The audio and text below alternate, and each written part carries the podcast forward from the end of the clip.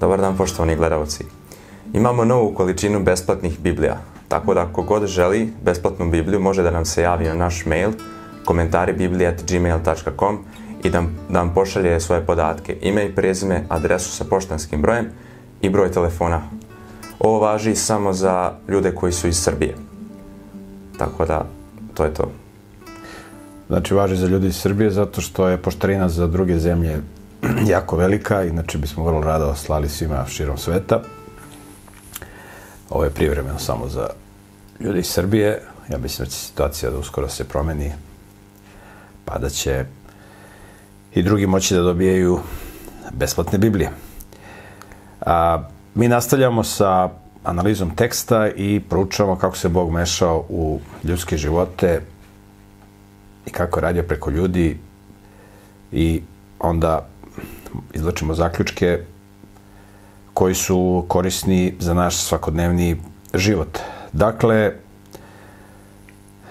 zadnji put smo završili analizu tekstova u kojima je Bog Jakovu objasnio kako se on to obogatio sa šarenim ovcama i kozama, da je Bog tu delovao, a ne oni njegovi prutevi koje on zabadao pored izvora vode.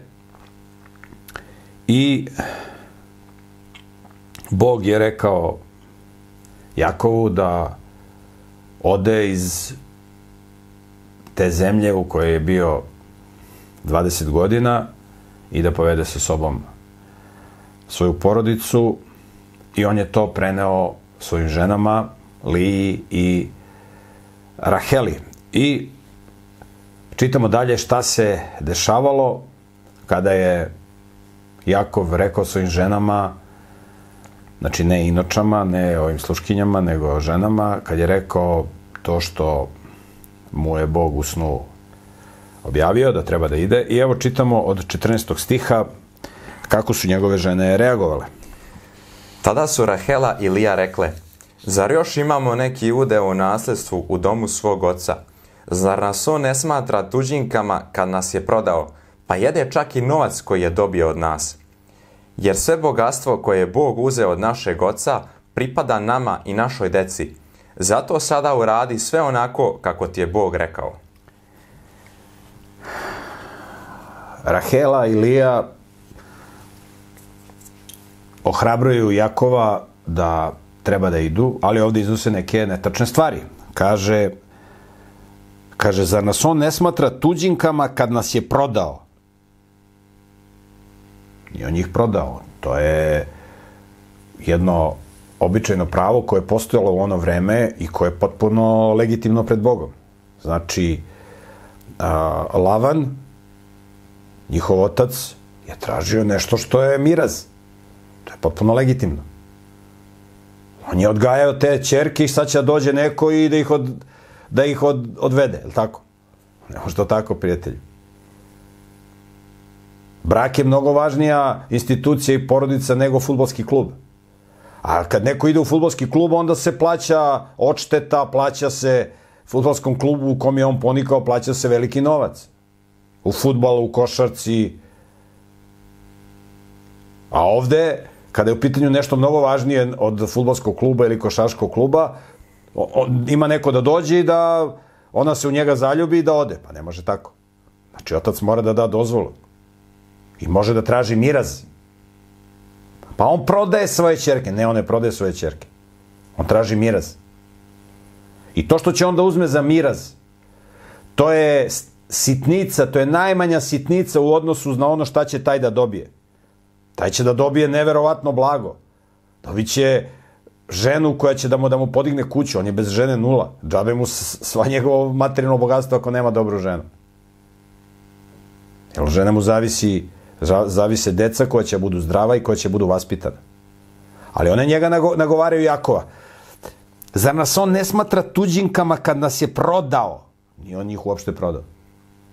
Pa jede čak i novac koji je dobio za nas.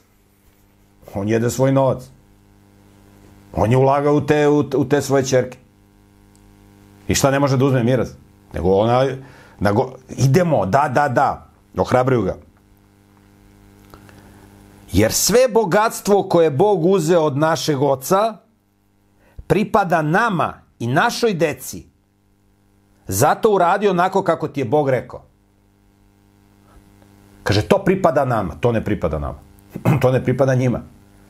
Lavan je vlasnik svojih čeri i Lavan je vlasnik a, njihove dece. Prema biblijskom zakonu. I to su one znale odlično. Nego su, se, nego su bile sklone grehu i onda su nagovarale Jakov. Ova je došao u, u kuću kod Lavana Jakov, znači Jakov je došao u kuću kod Lavana i ovaj ga kao rođaka primio. Primio ga kao svog sina.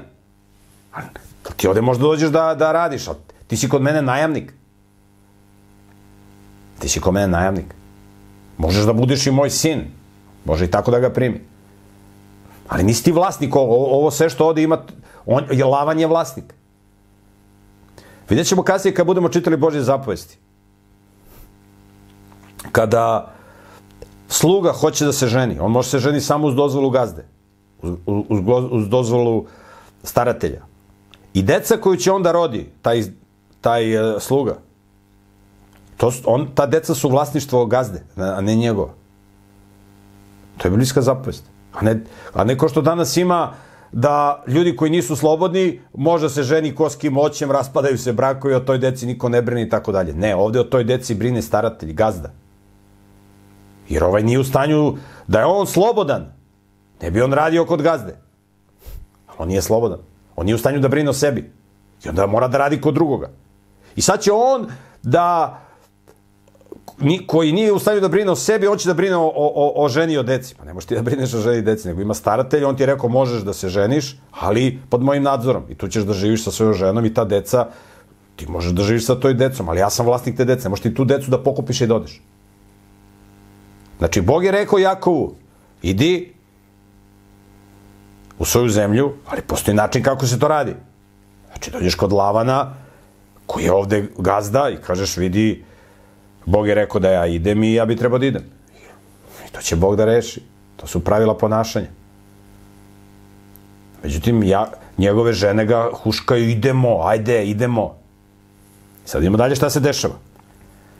17. stih.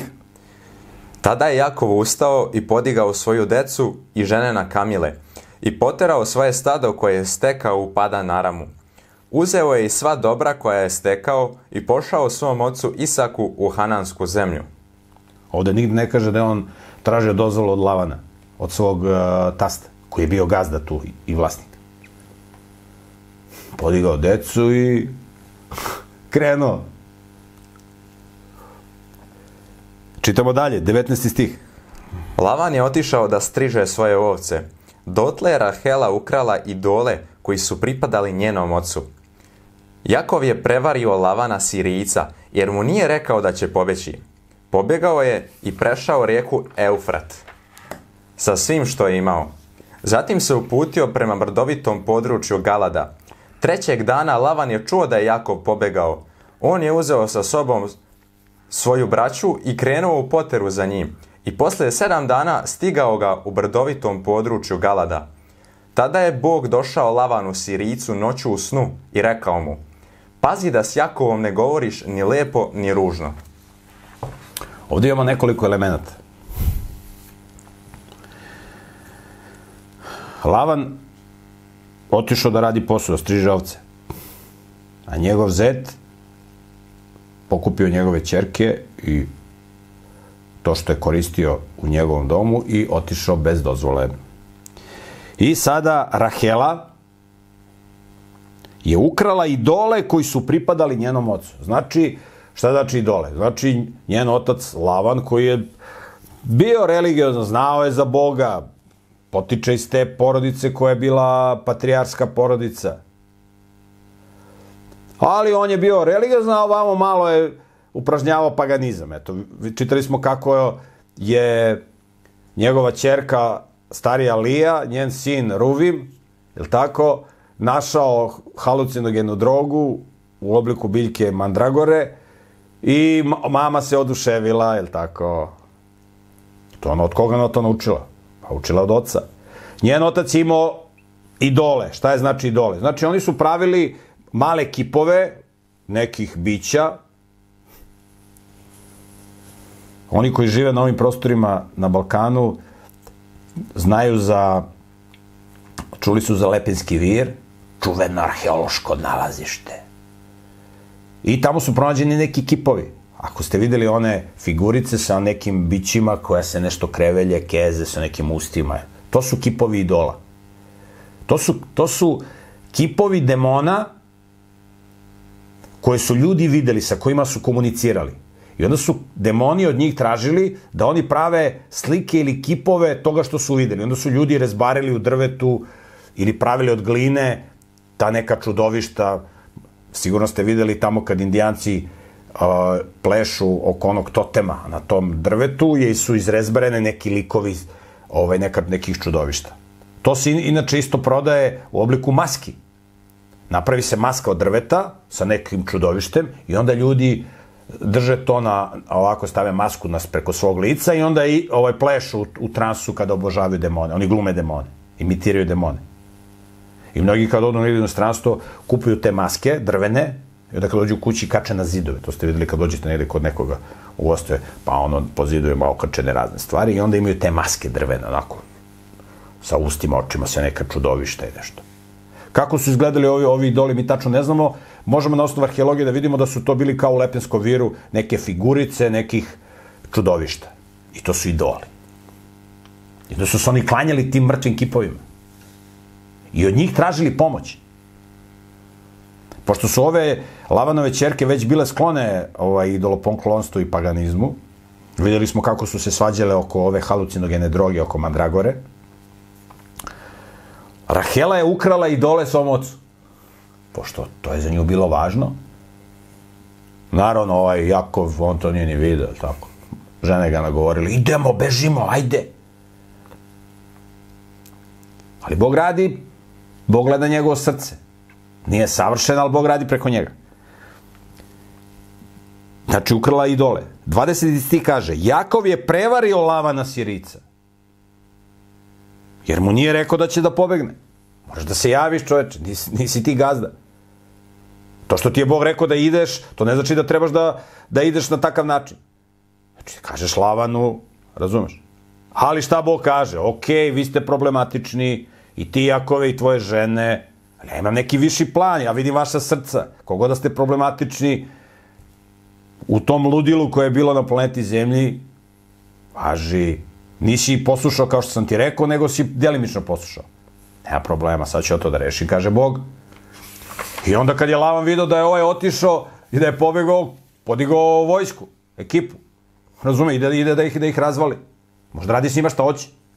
Po zaprema, pred, pred Bogom može da radi s njima šta hoće, može, sve da ih, može, može da ga likvidira. Kako si ti usuđeš da kradeš za, za otmicu čoveka po Bibliji je smrtna kazna. Čitat ćemo kasnije. Međutim, Bog se meša i javlja se Lavanu u snu i kaže mu, pazi da s Jakovom ne govoriš ni lepo ni ružno. Ne tržim ja da ti sad njega miluješ po glavi što on i kažeš bravo, bravo. To ne tržimo tebe, ali nemoj ni, ni, ni, pazi kako ćeš s njim da pričaš, ne smiješ ni ružno da pričaš. Znači, Bog se meša, inače da se Bog nije umešao, sa šta bi bilo. I to je ono što mi možemo da naučimo.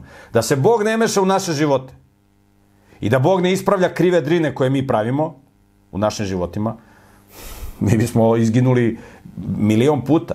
Nego Bog se meša, ispravlja, popravlja, ublažuje i tako dalje i tako dalje. Utabava stazu pred nama, tu čvornovatu i bodljikavu stazu koju mi idemo. Mi nećemo da idemo stazom koju je Bog uspostavio. Nego biramo mi smo pametni, mi znamo bolje od Boga, kao Jakov. I sada Lavan stiže Jakova i čitamo šta se dalje dešava, 25. stih. Tako je Lavan stigao Jakova. Jakov je bio razapeo svoj šator u brdovitom području Galada, a je Lavan se sa svojom braćom ulogorio u tom kraju. Tada je Lavan rekao Jakovu, šta si to učinio? Zašto si me prevario i odveo moje kćeri kao da su mačem zarobljene? Zašto si kradom otišao i prevario me, a da mi nisi ništa rekao? Ja bih te otpustio s veseljem i pesmama, uz dajire i harfu. Nisi mi pružio priliku da poljubim svoje unuke i svoje kćeri. Postupio si nerazumno. U mojoj ruci je moć da vam nanesem zlo, ali Bog vašeg oca rekao mi je sinoć, pazi da s Jakovom ne govoriš ni lepo ni ružno. Kad si već otišao jer si se mnogo uželeo doma svog oca, zašto si onda ukrao moje bogove? Znači, Lavan mu lepo kaže, vidi, imaš sreću što mi se Bog javio. On se ipak boji Boga, koliko god da je idolo poklonik. I klanja se na onim kipovima. On zna za živog Boga. Ali voli ovamo da se, to se u duhovnom smislu kaže, isto naziva kurvarstvo. Postoji fizičko kurvarstvo i duhovno kurvarstvo. Ovo duhovno kurvarstvo je mnogo gore. I mi ćemo stalno da vidimo kroz biblijski tekst zašto činite kurvarstvo sa drugim bogovima, kaže Bog. Bog stvorite. Zašto činite preljubu sa, sa lažnim bogovima? I Lavan njemu kaže, da se Bog nije meni javio u snu i rekao, svašta bi bilo. Ok, idete, nema problema. Ja bi te ispratio, sad da bi ga on ispratio baš sa veseljem, to je veliko pitanje. Ali ono što je bitno, ok, idete, nema problema, ali nisi trebao to tako da radiš, to nije u redu. I on ga na jedan blag način ukorava, jer mora da pazi šta će da kaže. Ipak se boji Boga. Lavan. Koliko da je problematičan, boji se Boga. Ali kaže, kad si već otišao, zašto, e, zašto si onda ukrao moje bogove? Zašto si ukrao moje idole? Ne bavi se Lavan pitanjem da li je on lično ukrao. Jakov, ili su ukrale njegove žene, ili su njegove sluškinje ukrale, ili, neko, ili njegove sluge, to je nebitno. Ti si odgovoran za, za, za, za to što se radi u, u tvojoj porodici.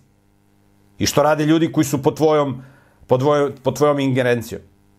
Kaže, zašto si ukrao bogove, pita ga on. Hajde što si otišao, okej. Okay. A što si ukrao moje bogove? Čitamo dalje, 31. stih. Jakov odgovor je Lavanu. Uplašio sam se pa sam sebi rekao, mogao bi da mi silom uzme svoje kćeri. A kod koga nađeš svoje bogove, taj neka više ne živi. Pred našom braćom pretraži šta imaš kod sebe i uzmi ih. Ali Jakov nije znao da ih je Ra- Rahela ukrala. Tako je Lavan ušao u Jakovljev šator i u Lijin šator i u šator obe robinje, ali ih nije našao. Na kraju je izašao iz Lijinog šatora i ušao u Rahelin šator. A Rahela je bila uzela idole i stavila ih u korpu u koju su žene jahale na kamilama i sela na njih.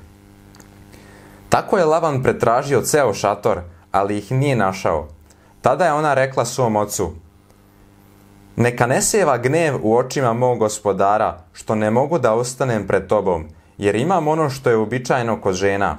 Tako je on i dalje pažljivo tražio idole, ali ih nije našao. Znači, Jakov, Jakov ne zna šta se radi u njegove kući. On ne zna da njegove žene služe i drugim bogovima. Njemu žena kaže, vidi, uzela sam od Alije, ova njegova žena Rahela, koju on voli, više nego ovu prvu. Kaže, uzela sam od nje mandragore, ove halucinogenu drogu sam uzela od njega.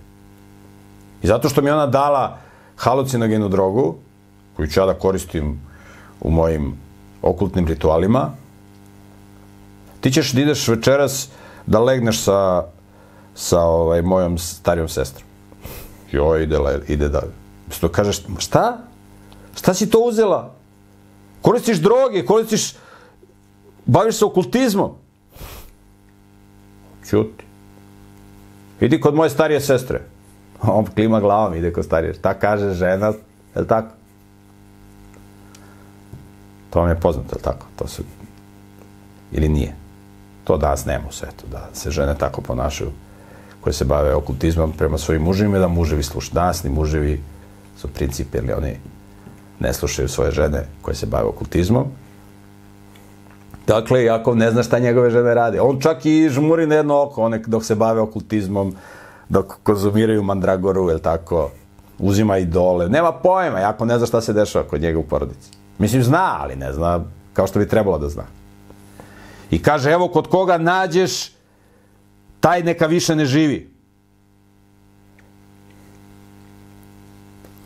I nešto slično će se desiti kasnije kad budemo čitali izveštaje ovaj, kad budemo čitali izveštaje u, u, u biblijskim knjigama vrlo uskoro.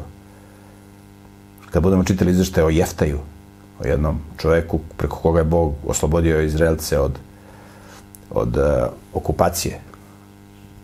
On je isto tako nešto slično radio, samo ovde, ovde, ovde niko nije nastradao, a u njegovom slučaju će nastradati njegova čerka. Zato što će dati jedno suludo, jednu suludu zakletvu, vidjet ćete kad budemo čitali o Jeftaju. Kod koga se to i nađe, taj više neka ne živi. Sad zade ovaj našo kod Rahela Zašta bi, bi moglo da se desi? Jer oni su zbog idola, zbog demona ubijali jedni druge članove porodice. Ali Rahela je sela tamo na korpu na kojoj se Jašu hamili i rekla ja ne mogu da ustanem, ima mesečni ciklus, tako se opravdala. Ali ova je detaljno tražio, to mu je bilo jako važno da nađe idole. Jer mu oni pomažu u životu, tako on misli. Čitamo dalje, 36. stih. Tada se Jakov razgnevio i počeo da se svađa s Lavanom, pa mu reče, koji je moj prestup, koji je moj greh, pa me tako žestoko progoniš. Sad kad si pretražio sve moje stvari, jesi li našao nešto iz svog doma? Stavi to ovde pred moju, pred moju i svoju braću, pa neka oni prosude između nas dvojice. Ovih 20 godina bio sam kod tebe. Tvoje ovce i koze nisu pobacivale i nijednog govna iz tvog stada nisam uzeo za hranu. Nikada ti nisam doneo rastegnutu životinju, već sam ja nadoknađivao štetu. Šta god je bilo ukradeno, bilo danju, bilo noću, tražio si iz moje ruke. Danju me je ubijala vrućina, a noću hladnoća. I sad mi je bežao od, od očiju. U tvojoj sam kući proveo 20 godina. 14 godina sam ti služio za tvoje dve kćeri i 6 godina za tvoju stoku, a platu si mi menjao 10 puta. Da Bog mog oca, Bog Avramov i onaj kog se Isak bojao nije bio sa mnom, ti bi me sada poslao praznih ruku. Bog je video moju nevolju i trud mojih ruku, pa te sinoć ukorio. Svili kako Jakov sebe opravdava. Prvo je bio inferiran, znači uradio je greh, otišao je, prevario svog gospodara, kod koga je živeo, u čiju kući, u, u čiju kući je bio primljen, dobio je njegove dve čerke, dobio priliku da se obogati i on otišao. Kao da je mačem oteo, kao da je opljačkao, znači krađa. I sad, pošto ovaj nije našo idole, sad on prelazi u ofanzivu. Znaš li ti, ja sam kod tebe radio, menjao si mi platu deset puta ovo. Pa što, je li te neko bio po ušima da radiš kod njega 20 godina? Mogu si da odeš, što nisi otišao? Što nisi otišao? A nisi imao gde da odeš, prijatelju. Nego tu ti je bilo i ti ne poštuješ to što ti je Bog dao. Tako nisi poštovao ni, ni, ni kod oca tamo kad si prevario svog oca. Pa majka me nagovorila, a majka te nagovorila, ti si mala beba od tri godine, pa te majka nagovorila. E, znaš li ti, ja sam kod tebe, ovo, ja, ovo, ja, ovo, ja, ovo. Te neko terao, što nisi otišao, ako ti se ne sviđa. Ne, nego ti je bilo tu dobro, pa si zato bio. I to je jedna poznata priča koju danas slušamo. Kad neki zaposleni kuka na svog gazdu. Ba on mi nije dao platu, pa što si radio kod njega? Kad ti nije dao prvu platu, što nisi otišao? Radio si dve godine, tri godine, razumeš, nisi primio platu. Pa imao penzijsko i zdravstveno, uzdao se da će da ima penziju, da će nešto. I, i gazda mu kriv. Pa je li gazda prevarant? Jeste, što si sedeo kod njega, što nisi otišao? Duguje mi 20 plata. To su izgovori za lenjost. Najlakše kukati i žaliti se na, na, na, na, na, na poslodavca ili na gazdu. Budi ti gazda. A sad kad si poslodavac, ti se ne sviđa niko drugog poslodavca. I sad on, ja sam za tebe radio, ja ovo, ja ono. To su te neozbiljne priče. Da Bog moga oca Avrama, koga se boja nije bio sa mnom, ti bi od mene poslao praznih ruku.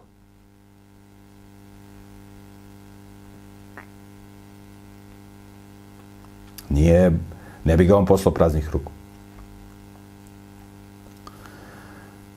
U svakom slučaju vidimo kako se ljudi ponašaju, vrlo poznato sa onim kako se ljudi danas ponašaju.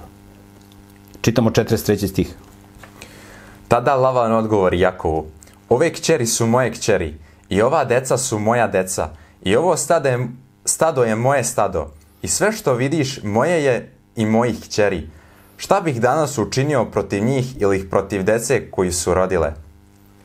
Hajde sada da ja i ti sklopimo savez i neka on bude svedok između mene i tebe.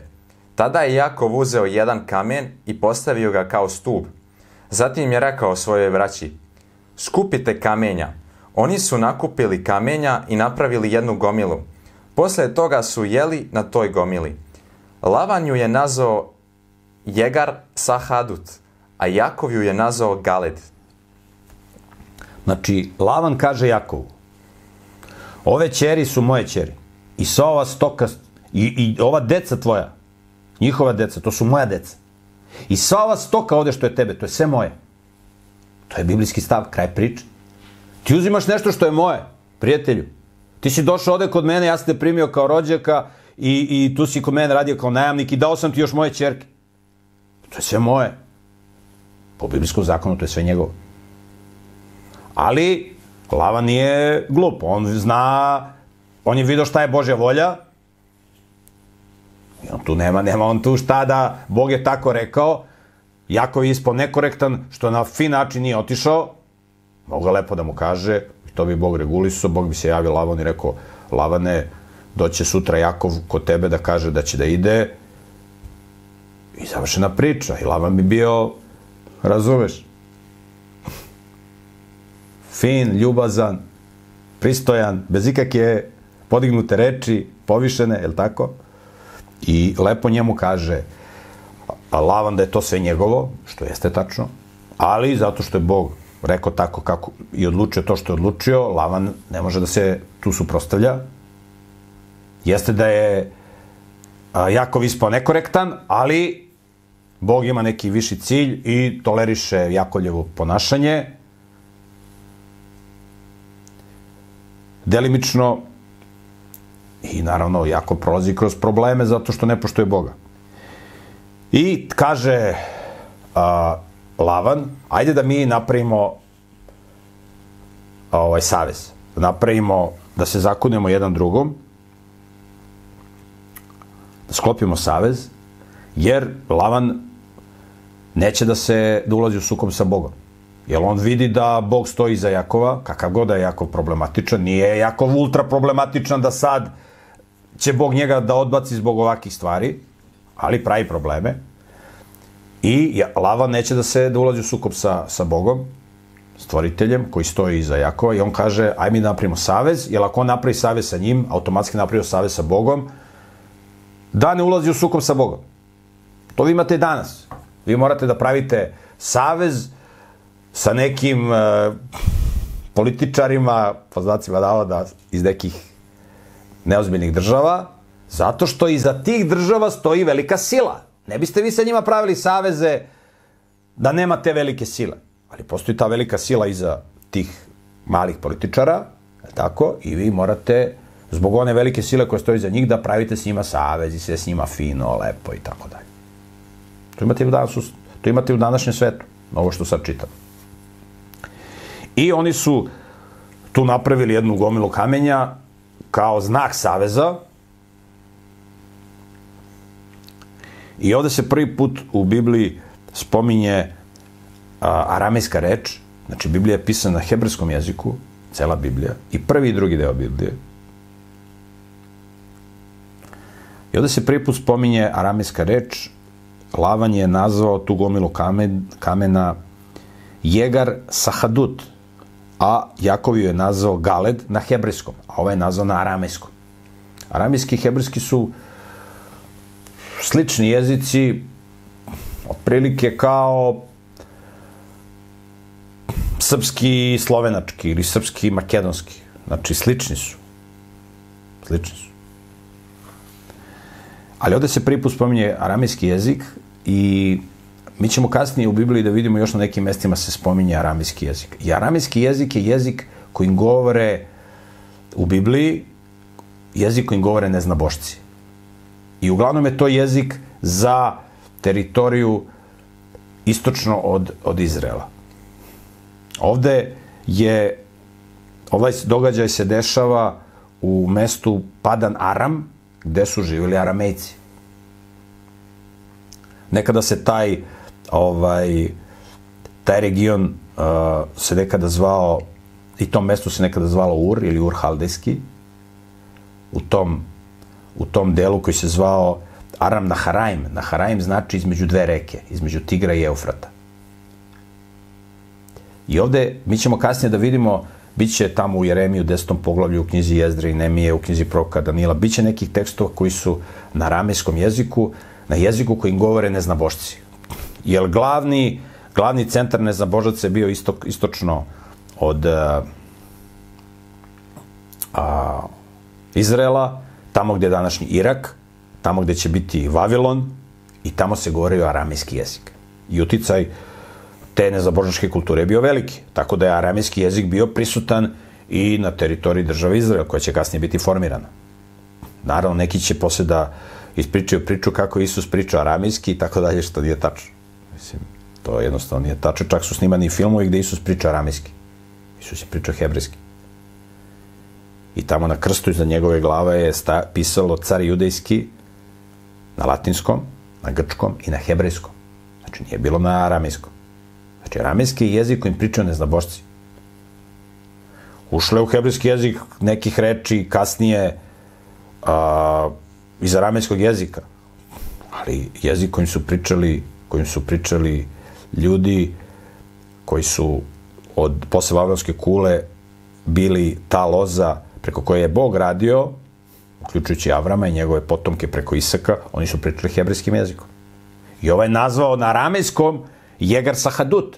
A ovaj Jakov je nazvao ovaj ovu gomilu kamela Galed. Jedno i drugo ima isto značenje, sve dok gomila, gomila svedočanstva, imate dole u fusnoti prevod ovih reči, ali ovde, ovo se prvi put, prvi put se u Bibliji spominje a, aramejska reč, čisto da znate, bit će to kasnije, će se spominjati zbog tog jezika koji, koji govore neznabošci, to je i u Bibliji vidjet ćete kroz dalje kad budemo čitali da je to da je to taj jezik, jezik ne zna božaca. Onih koji ne znaju živog Boga, Boga stvoritelja.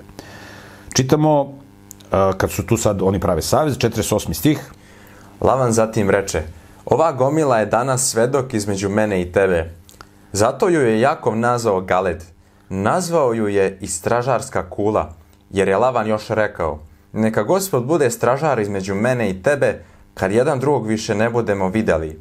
Ako budeš loše postupao s mojim kćerima i ako uzmeš druge žene pored mojih kćeri, kako nijedan svedok nije s nama, Bog je svedok između mene i tebe.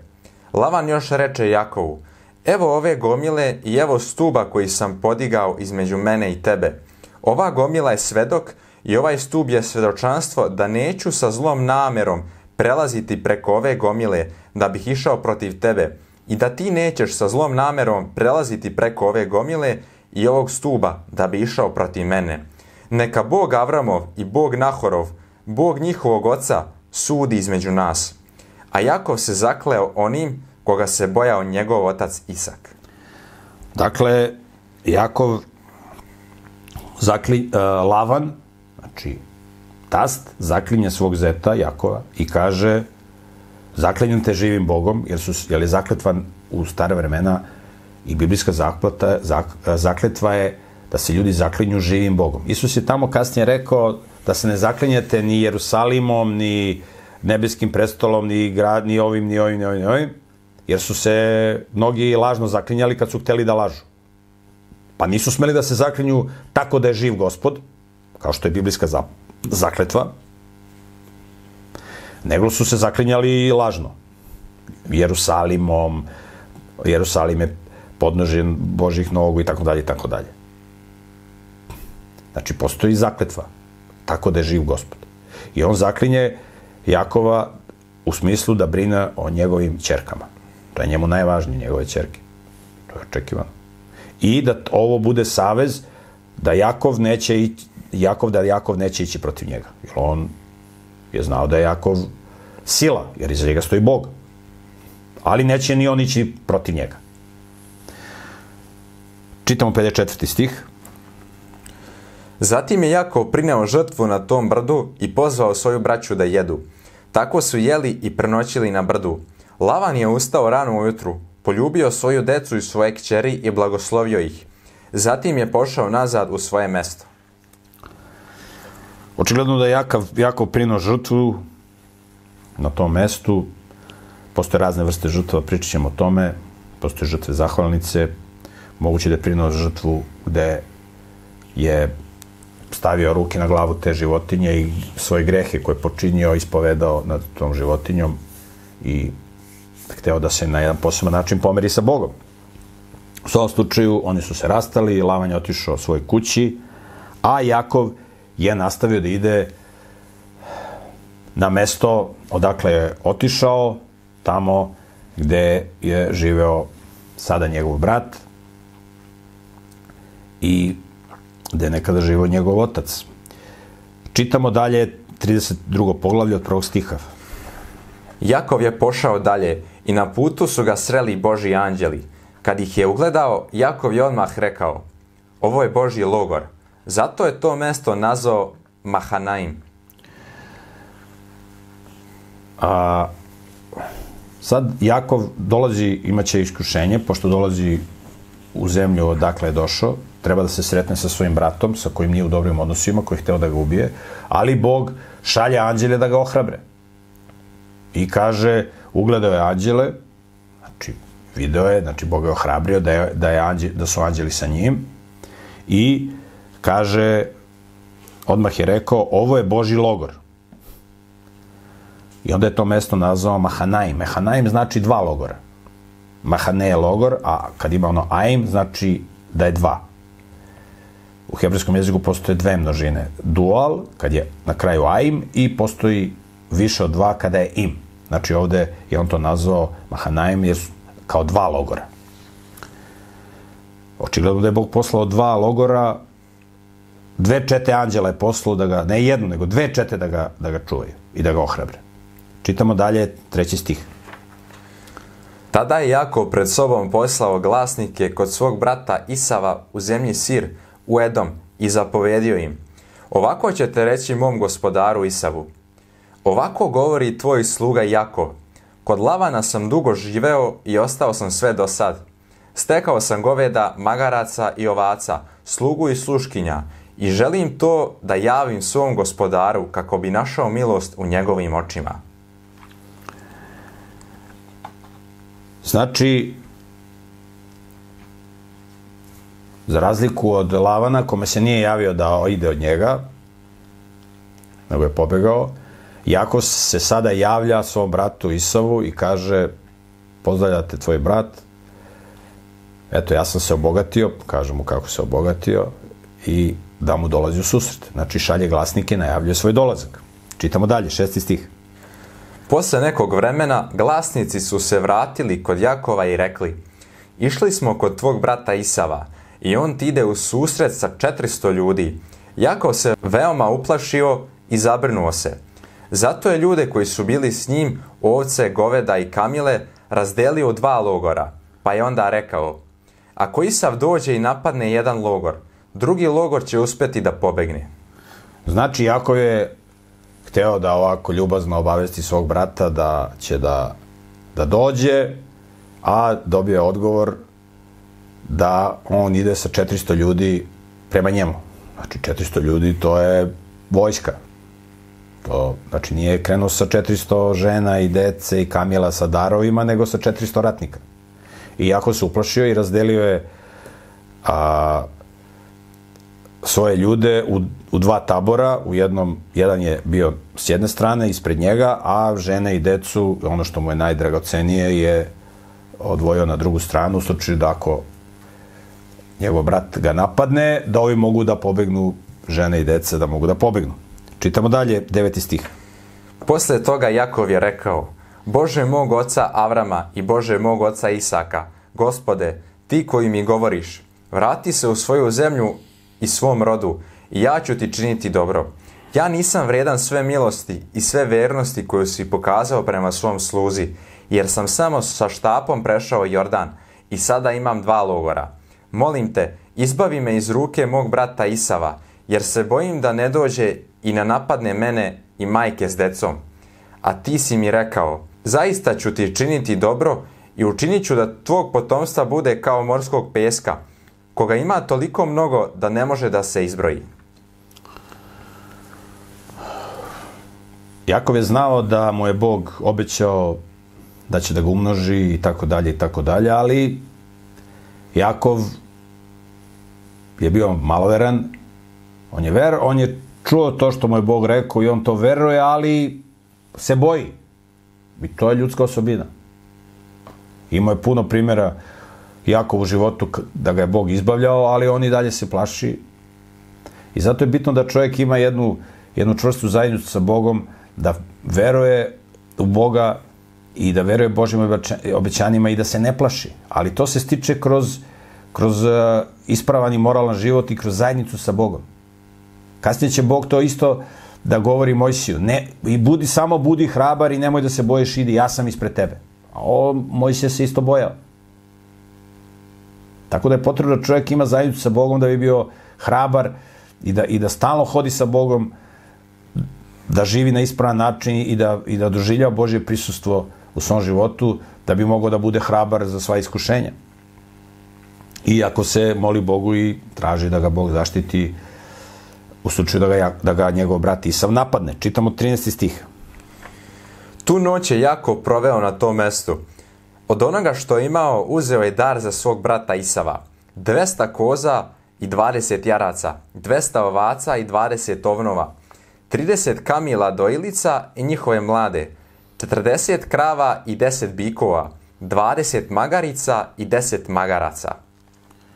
Dakle, Jakov je pripremio veliko blago da da svom bratu da pošalje, znači čito vidite, 200 koza i 20 jaraca. Znači sve dobio je, dobio je koze, dobio je jarce koji će da skaču na, na, na koze. Da mu, da mu, da mu, znači dao mu je veliki potencijal da se to stado umnožao. Isto to i za, i za krave, i za kamil, i za bik, ovaj, krave, i za magarce i tako dalje. 16. stih. Zatim, zatim je svojim slugama predao stado po stado i govorio im, pređite reku ispred mene i držite rastojanje među stadima. Zatim je prvom zapovedio, ako, se, ako te sretne moj brat Isav i pitate, čiji si i kuda ideš i čije je ovo stado pred tobom, i reci mu, tvog sluge Jakova, to je dar koji on šalje mom gospodaru Isavu, a on ide iza nas. Također je zapovedio i drugom i trećem i svima koji su išli za stadima. Tako kažite Isavu kad ga sretnete i još recite, evo, tvoj sluga Jakov ide iza nas, jer je, sve, jer je u sebi govorio, možda ću ga umiriti darom koji ide ispred mene, zatim ću, zatim ću videti njegovo lice, pa će me možda lepo primiti. Tako je dar prešao reku ispred njega, a on je tu noć proveo u logoru. Dakle, Jakov hoće da uradi nešto isto tamo kad je pobio one štapove. Bog mu je rekao da će da ga umnoži, ali ja ću da pobijem štapove. Sad ovde isto rekao je Bog da će da me štiti, ali da ja uradim ono što je do mene. Ipak ja malo tu da pripomognem Bogu, je tako? Napravio je nekoliko ovaj, ka, uh, odreda svojih ljudi koji su išli sa, sa stokom i onda je išla prva grupa sa kozama i jarcima i njegovi ljudi i onda kažu recite ovo ti šalje na dar ovaj tvoj brat Jakov. Pa onda ide druga druga tura idu kamile i, i mladunci doj, pa onda idu goveda i bikovi, pa onda idu magarci i magarice i jedan, drugi, treći, četvrti dar da mu donesu i da ga tako odobro, odobrovolje, odobrovolje. To je bio plan Jakova, znači ako radi ono što on, ovaj, iako mu je Bog rekao, ali da ja malo Bogu pripomognem, da uradim ja ove neke stvari, možda ću da ga umilost, umilostivim. Ovaj, čitamo dalje 22. stih. Te iste noći ustao je, uzeo svoje dve žene i dve sluškinje i svojih jedanaje sinova i prešao Javok. Tako ih je uzeo i preveo preko reke i prebacio je sve što je imao. Znači, on preko reke prebacuje ono što mu je, ono što je najvrednije, znači svoje žene, Inoče, takođe, znači ove njihove sluškinje, sa kojima ima decu 11 ovaj, 11 sinova. Ovde se ne spominje čerka, i čerku Dinu, tako, ali da kaže sinove. To, ovo vam je ratni izveštaj, govori se samo o muškarcima. I prešao je reku i preveo ih je sve preko reke. I kad ih je preveo preko reke, dolazi vrlo važan događaj koji čitamo od 24. stiha. Na kraju je Jakov ostao sam. Tada se neki čovek rvao s njim sve dok nije svanula zora. Kad je taj čovek video da ga ne može savladati, dotakao mu je bedro tako da se Jakovu iščašio kuk dok se rvao s njim. Tada taj čovek reče, pusti me jer sviće zora. A Jakov mu odgovori, neću te pustiti dok me ne blagosloviš. Zato ga onaj čovek upita, kako se zoveš? A on odgovori, Jakov. Tada mu taj čovek reče, više se nećeš zvati Jakov, već Izrael, jer si se borio s Bogom i s ljudima i na kraju si ih pobedio. Jakov ga upita, molim te, reci mi kako se zoveš? A on mu na to odgovori, zašto me pitaš kako se zovem? I tu ga je blagoslovio. Jakov je to mesto nazvao Fanuil, jer je rekao, video sam Boga licem u lice, a moja se duša ipak izbavila. Znači, Jakov je prebacio svoju, svoje žene i svoju decu preko reke na bezbedno da oni idu tamo u drugom smeru ako Isav, njegov brat, napadne ovaj, ovu prvu grupu ljudi i on se, on je ostao sam jer je imao nešto važno da, da obavi. Šta je on imao važno da obavi? Vidimo iz teksta da je on se molio Bogu i traži od Boga pomoć. I šta se desilo? Kaže, tada se neki čovek rvao sa njim sve dok nije svanula zora. Znači, bilo je veče, on je njih prebacio, on se celu noć rvao s nekim čovekom. Ko je taj čovjek s kojim se on rvao? Kad je taj čovjek video da ga ne može savladati, dotakao mu je bedro, tako da se Jav, Jakovu iščašio kuk dok se rvao sa njim. Tada je taj čovjek reče, pusti me jer sviće zora. A ovaj kaže, neću da te pustim dok me ne blagosloviš. Znači, taj sa kojim se Jakov rvao je bio neka važna ličnost u duhovnom smislu, Jakov od njega traži blagoslov. Da ga on blagoslovi, da ga ohrabri i da mu da na poseban način Božju zaštitu.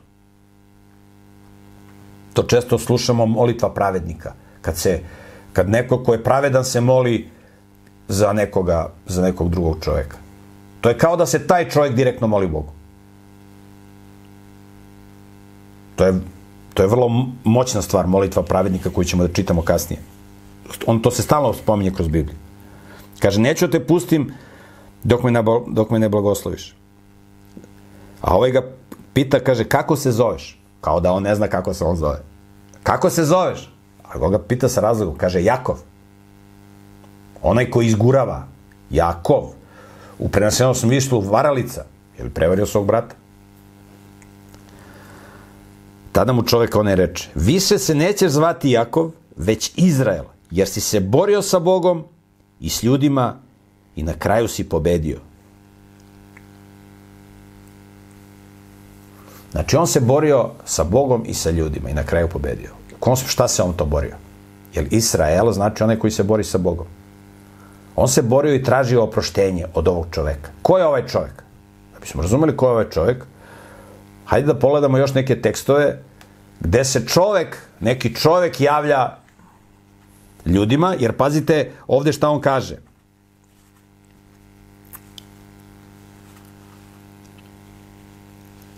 Mo, jako ga upita, molim te reci mi kako se zoveš.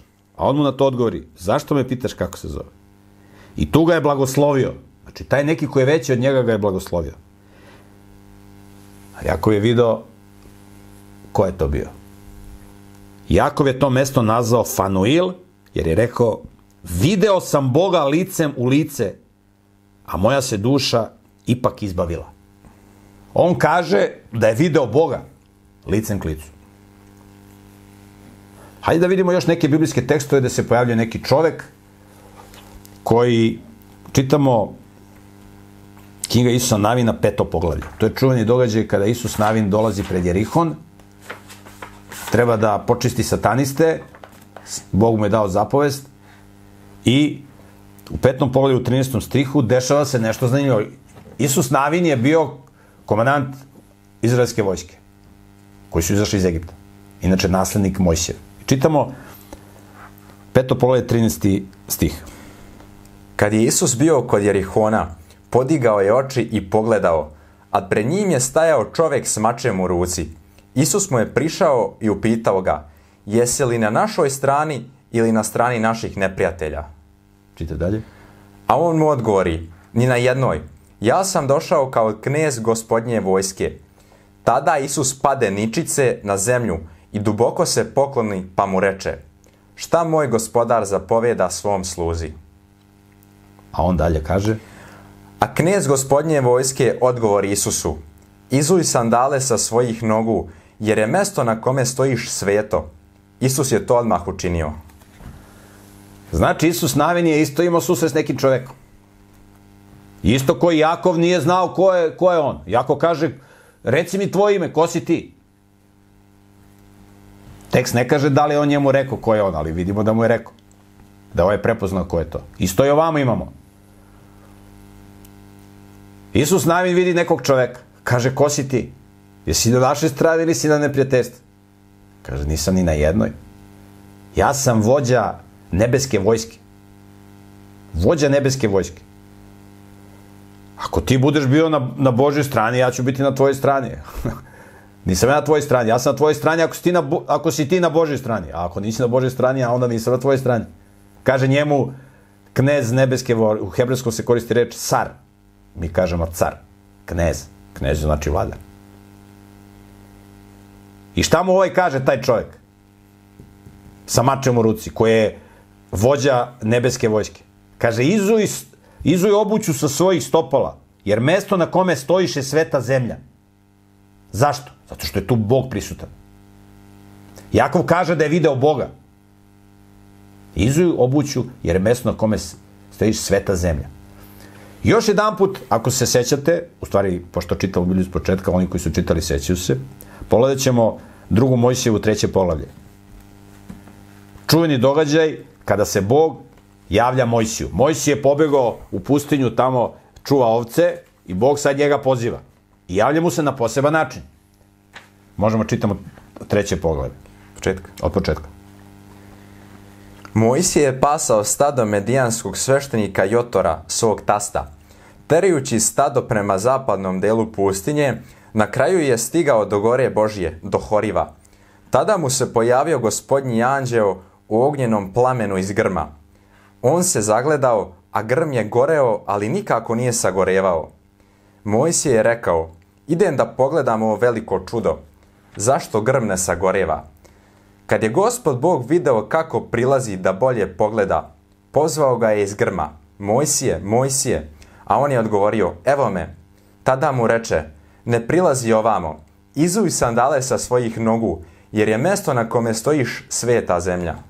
Znači, Bog se javlja Mojsiju i kaže izuj sandale, jer ovde, ovo je sveta zemlja. Kaže se ovde da je to Božja planina Horiv.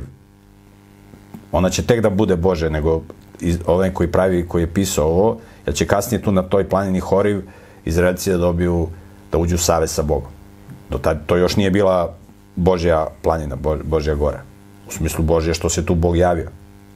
Ali evo čitamo da čovek koji je se javio Isu Navinu i čovjek koji se javio Jakovu je bio Jahve. Znači Bog, vođa nebeske vojske, kroz biblijski tekst vidimo ko je taj, da je to sam Isus Hristos. Čitat ćemo kasnije u Novom Zavetu da se on spominje kao arhianđel na grčkom. Predvodnik anđela. I jedno od njegovih imena je Mikael. Mikael znači ko je kao Bog na hebrejskom. Mnogi smatruju da je Mikael ili Mihajlo neki anđeo, ovako, da nije Isus Hristos, međutim, na osnovu bliskog teksta, taj koji se javio Avramu u Mamriji pre uništenja Sodoma i Gomora, taj koji se javio Jakovu, Jakov ga je prizivao i on mu se javio. I ovaj kad je, kad je video Isusa, Jakov, on ga ščepao i kaže neću da, uzeo da se rve s njim. Naravno da je možda da se rve sa Isusom, ali Isus ga pusti. Znate, to je kao kad se otac rve sa, sa svojim detetom, pa ga pušta ovaj, hoće da, da obali oca, ovaj ga pušta, pa padne malo, pa u kako si ti jak sine, razumem. To su te, to su te igre oca i deteta. Nebeski otac Isus Hristos se rve sa svojim sinom Jakovem, koji je problematičan. I kaže, pu, kaže, neću da te pustim dok me ne blagosloviš, kaže Jakov. Dok mi ne oprostiš moje grehe. Dok mi ne oprostiš svoje grehe, neću te pustiti. Znate, vi kad nekoga, čitat ćemo kasnije u biblijskom tekstu, kad neko nekoga uvredi, kad neko nekoga uvredi, on treba da mu se izvini. I da mu se izvinjava dokle god ovaj, da uradi sve što je u njegovoj moći da mu ovaj oprosti. Znači, uvredio si čoveka, sve što je u tvojoj moći treba da uradiš da ti on oprosti. Znači, sve. Što je u tvojoj moći. Kaže, ako, ako ti uradiš sve što je u tvojoj moći, a on neće da ti oprosti, kaže, onda ga tretire kao neznabošca. Znači, da ćemo dalje biblijske tekstove kad budemo čitali zapovesti i tako dalje. Ali Jakov hoće da se, jel, jel Jakov je povredio, nije Jakov samo uvredio Isava, svog brata, on je uvredio Boga. Jer Isav je Božje dete. Znači, kada, kada čovek nekoga uvredi, povredi, nanese štetu, on ne samo što treba tom čoveku da, da, da refundira štetu, da mu nadoknadi štetu, nego mora da se, i da mu se izvini, nego mora i Bogu da se izvini zato što je Boga povredio. To je vrlo važno. I ovaj jako kaže, Bože, oprosti moj greh, ja neću da te, ja neću da te pustim dok, ja, on je uhvatio, on je vidio da je to neki, neki ovaj, da je neko znamenit. Sad nije mogu odmah da vidi da li je neki sveštenik ko, koji predstavlja Boga ili ali da je neki čovek koji je veći od njega u duhovnom smislu. On je prepoznao. Kasnije on prepoznao da je to Bog. Kaže, video sam Boga licem klicu, kaže jako. I zato je nazvao Fanuil. Peneji je lice. Tako da se on ovde rvao na osnovu biblijskog konteksta i na osnovu biblijskog teksta, on se rvao sa samim Isusom Hristom. Isus Hristos je taj koji se javio, taj čovjek koji se javio Isu Davidu. A ovaj ga nije prepoznao. Kaže, ko si ti? Kad mu je rekao, ko je ovaj pao na glavu? Odmah se poklonio. Odmah se poklonio. Razumete? Pao na glavu, poklonio se. Ljudi se nekad tako molili. Nisu se molili ono, hvala ti Bože, znaš, bo, ko što se danas nogi bole. Stara vremena, se, pokloniš se pred carem svemira. Padneš glavom na lice. Najdublje poštovanje. Kao grešno biće. Kao neko ko huli na Boga, ko krši Božje zapovesti, koji nanosi štetu drugim ljudima. Kaže, pokloni, kaže, Isus, Isus, Isus, sandale sa svojih nogu, kaže mu Isus. Je mesto na kome sediš, na kome stojiš je sveta zemlja. To isto ovaj njemu kaže.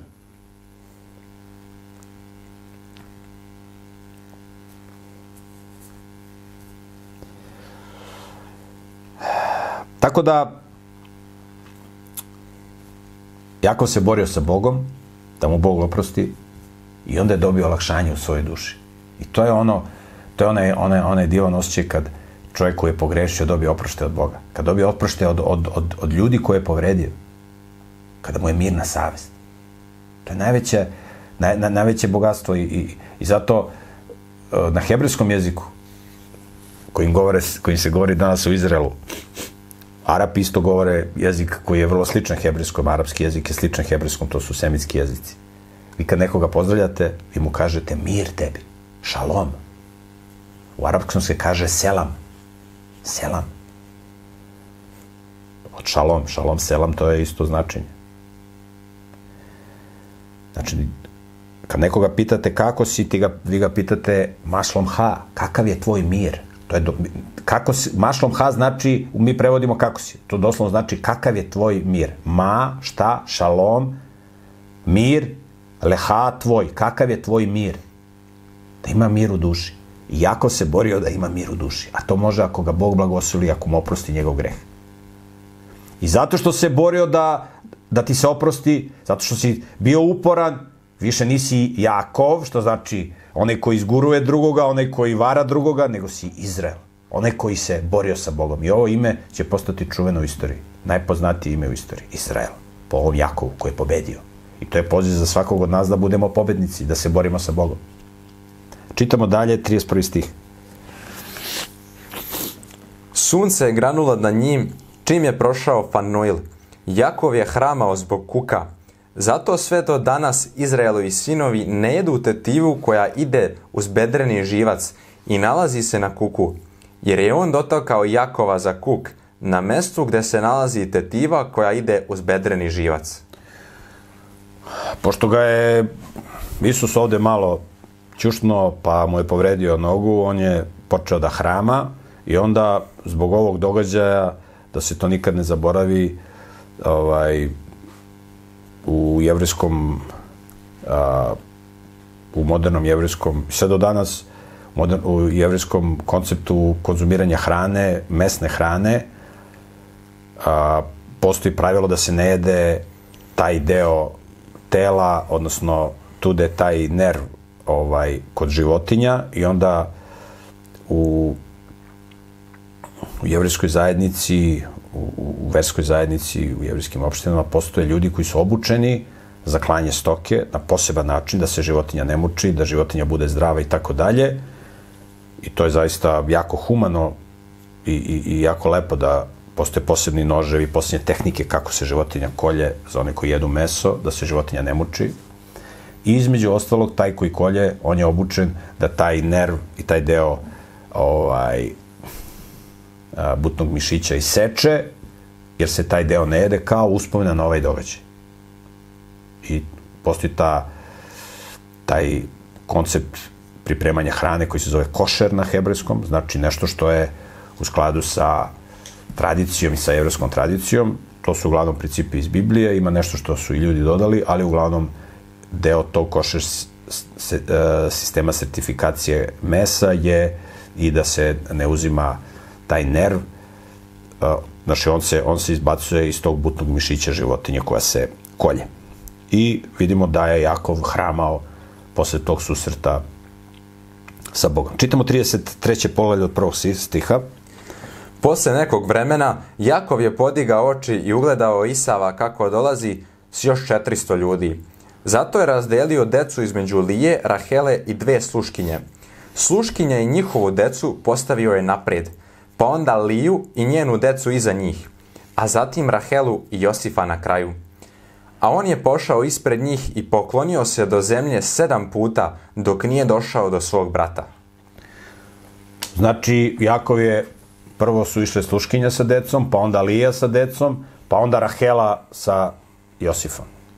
Znači, ako udari na ove, da ovi prvi nastradaju, a on je išao prvi, da on prvi nastrada ako treba. I onda je išao pa se pokloni, ovaj ga vidi iz daljine. On ide pa se pokloni. Pa onda ustane, malo ide pa se opet pokloni. Pa onda ustane, pa opet ide pa se opet, i tako sedam puta. Da, umilo, da umilostavi svog brata. Čitamo dalje. Da iskaže poštovanje. Četvrti stih.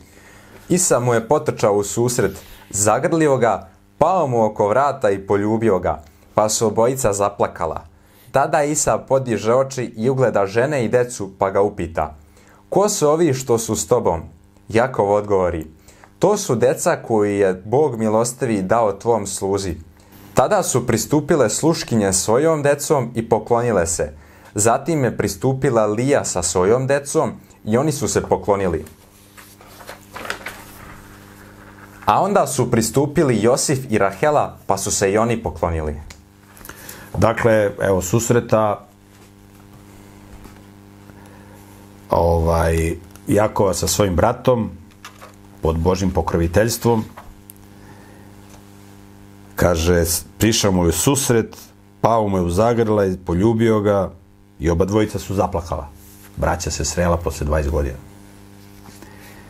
I tu se Isav upoznaje sa ženama i sa decom svoga brata. Čitamo dalje, osmi stih.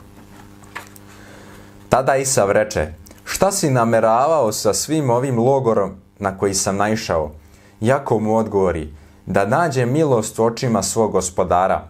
Tada Isav reče, brate moj, imam ja mnogo toga, zadrži za sebe ovo što je tvoje. Ali Jakov mu na to reče, ne, molim te, primi dar iz moje ruke ako sam našao milost u tvojim očima. Jer kad sam video tvoje lice, kao da sam video Božje lice, zato što si me lepo primio. Molim te, primi ovaj dar kojim želim da te blagoslovim, jer mi je Bog ukazao milost i imam svega. I uporno ga je nagovarao, tako da je Isa primio dar. Znači, Jakov pita ga Isav, šta ti je ovo, šta ovo šalješ? Kao da on ne zna zašto ovaj šalje. A ovaj mu kaže, to je dar za tebe. Ovaj neće, neće, ovaj ga nagovara i na kraju ovaj pristane. Na kraju on pristane da primi da primi dar. Iako ćemo vidjeti dalje u, u, u ovaj, a, kroz biblijske tekstove ovaj, kako pokloni koji ljudi primaju najčešće su u funkciji da se sa njima manipuliše. Znači, daš čoveku poklon, pa onda sa njim manipulišeš. Zato se kroz Bibliju stalno govori da, kaže, blago onome koji izbegava da uzima poklone.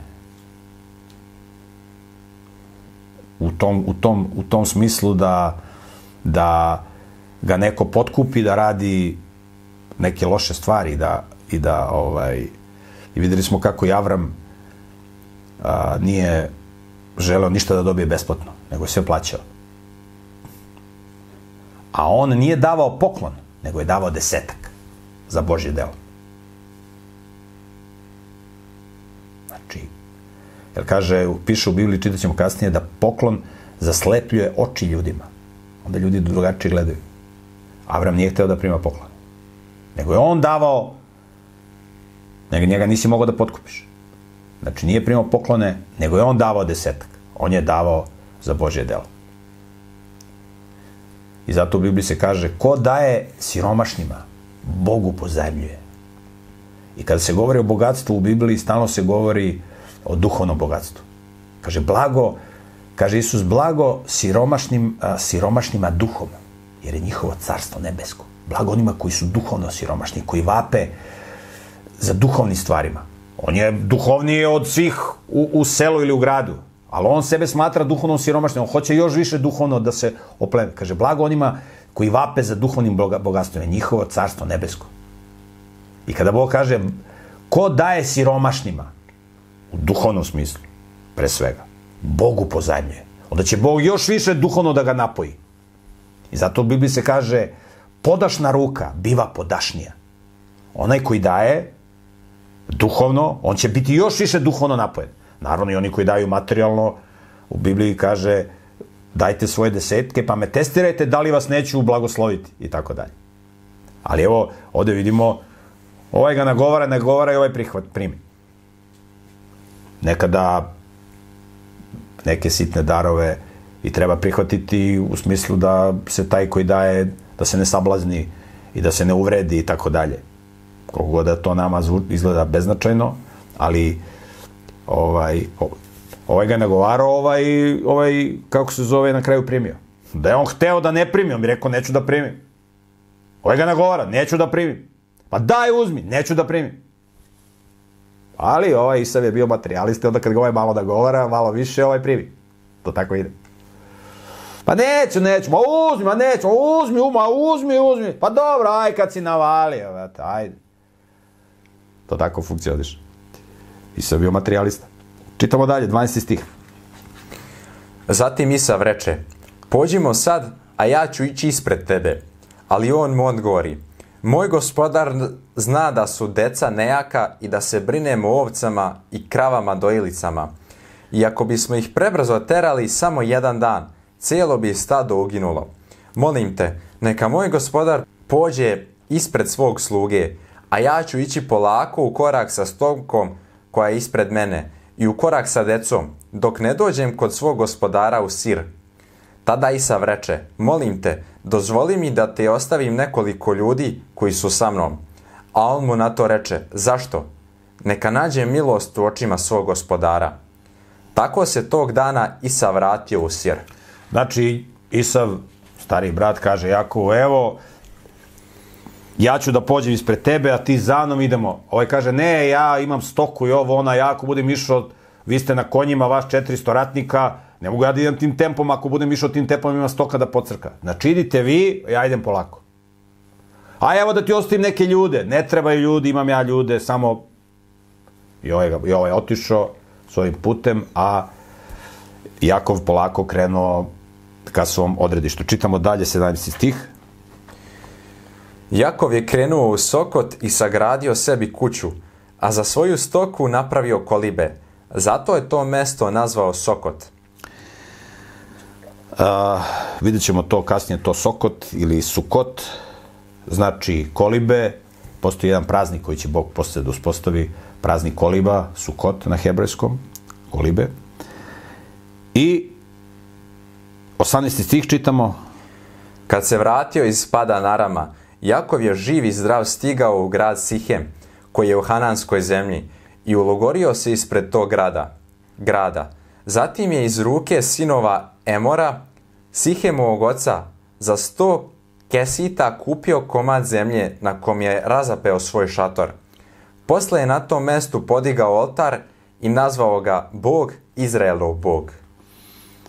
Vidite šta kaže? On se vratio u zemlju svog oca Isaka i djeda Avrama. I došao je do grada Sihema, koji je u Hananskoj zemlji, i ulogorio se ispred grada. Nije on ulazio u grad, nego ispred grada. Znači, bio je na periferiji grada. Ne ide on u grada živi. On živi na periferiji, u prirodnom ambijentu. Vrlo bitno. I onda je kupio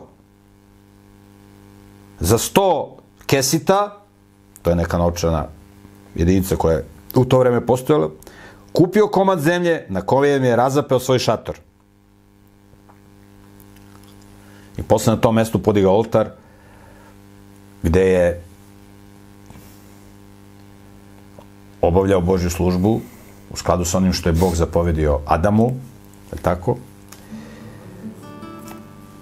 I tako se završava ova epizoda kada se Jakov posle 20 godina vraća u dom svoga oca, odnosno u zemlju koju je Bog obećao njegovom dedi Avramu i ocu Isaku.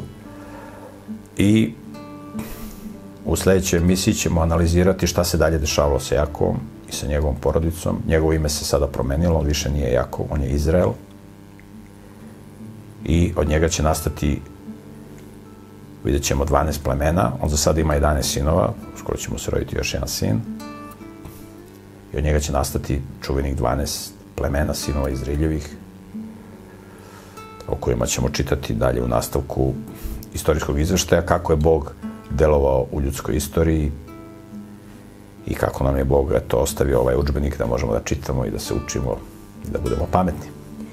Dragi prijatelji, to je bilo sve za danas. Ako imate neko pitanje vezano za biblijski tekst koji smo danas čitali, možete da ga postavite na dole navedeni mail. Hvala na pažnji.